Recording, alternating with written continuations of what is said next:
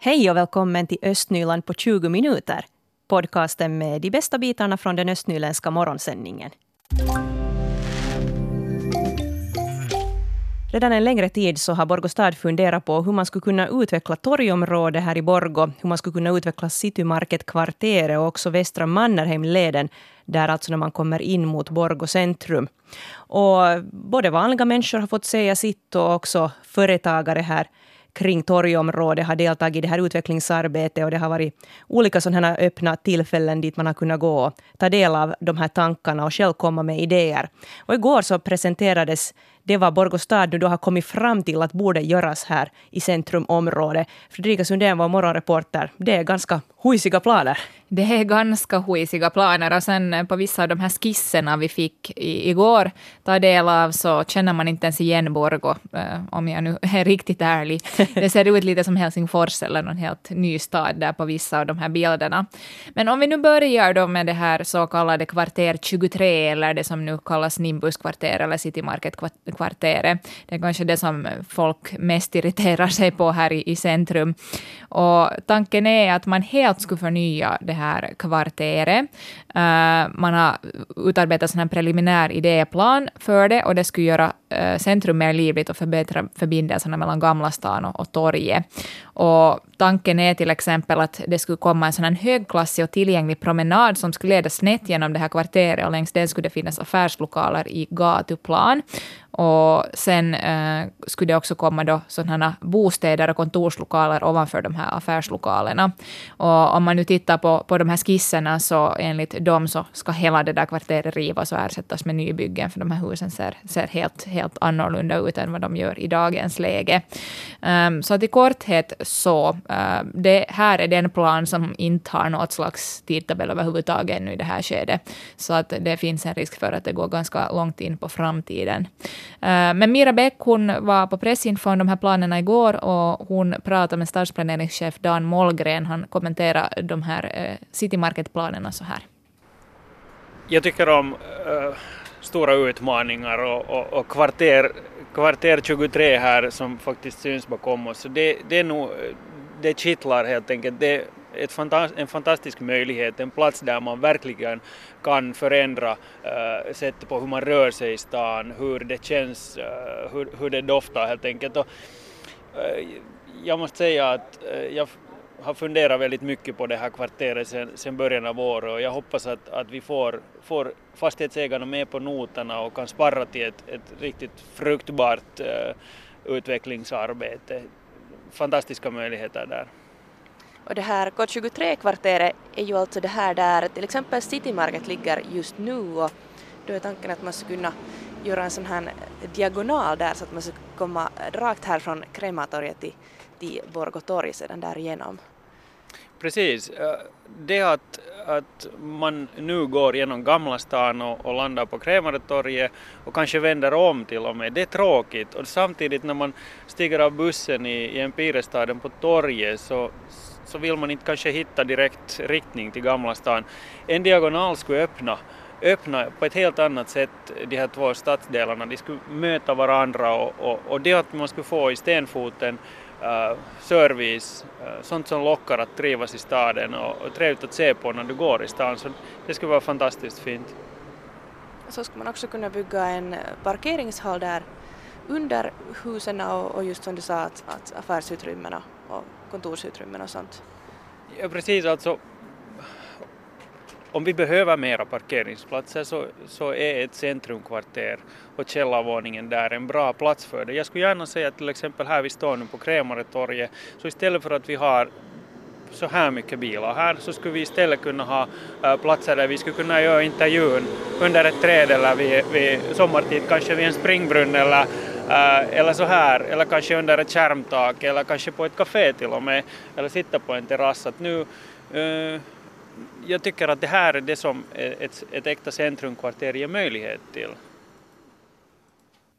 Ja, som sagt då så skulle hela det här Nimbuskvarteret borde äh, rivas ner och byggas upp på nytt. Och då blir ju frågan att vem ska förverkliga det här och vem har pengar att göra det? Äh, Mira Bäck ringde också upp igår äh, Mikael Mikko Broberg som är delägare i det här Konsve som äger Nimbushuset och han kommenterar de här planerna så här. Idén är inte något dum men jag genast tänker på det att finns det sådana som är villiga att investera i Borgå? Första, första frågan att finns det sådana som ha, anser att Borgå har sån dragningskraft att de är villiga att placera och ta sådana risker? Det, därför kommer vi just in på något sådant här UIT, Skanska, de här stora. Det är bara det att det är frågan så, så stor case det här att något mindre företag får inte ens kapital till sådana här.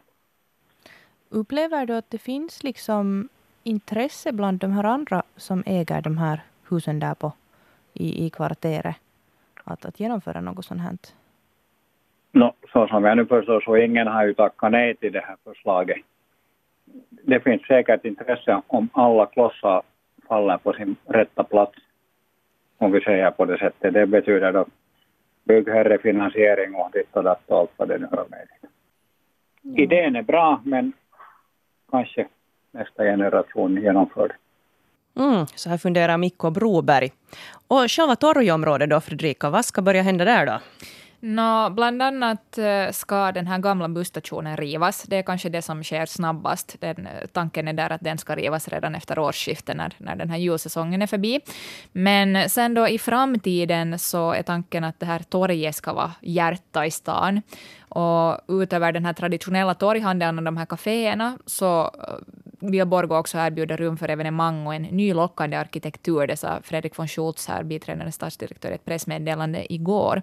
Och tanken är bland annat att man ska bygga en sån här paviljong med böljande tak och så ska det finnas en um, utescen som man kan ha konserter på och annat sånt här evenemangsgrejs. Och sen dessutom så finns det planer på en saluhall.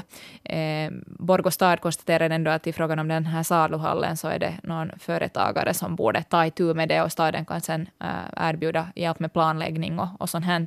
Men att i praktiken då så, så borde de företagare som är intresserade av en saluhall lite börja ta tag i den grejen och, och komma med visioner.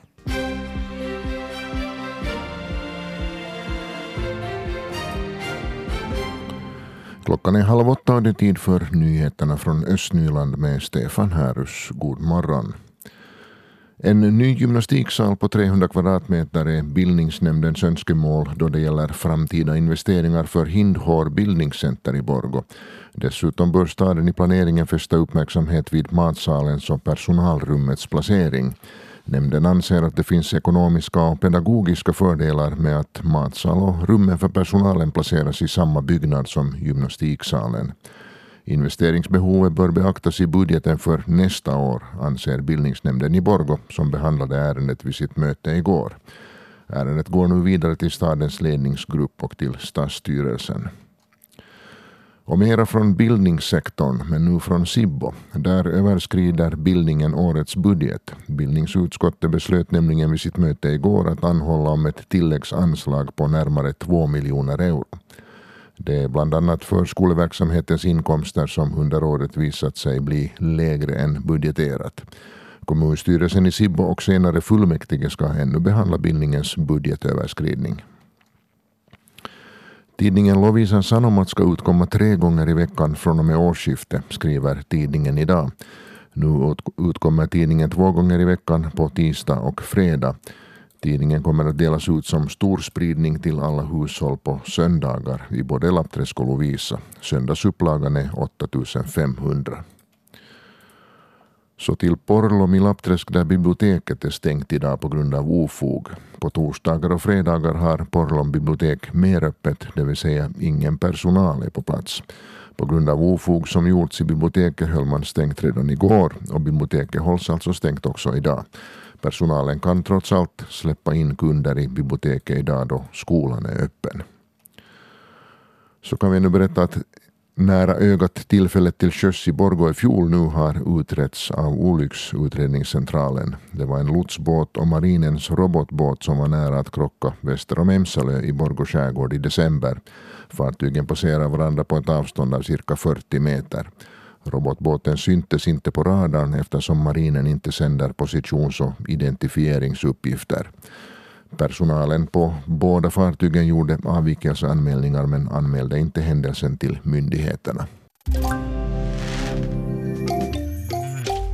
Igår så fick Borgå konstskolas rektor Lena Stoltzman ta emot Aktia-stiftelsens stora konststipendium på 10 000 euro.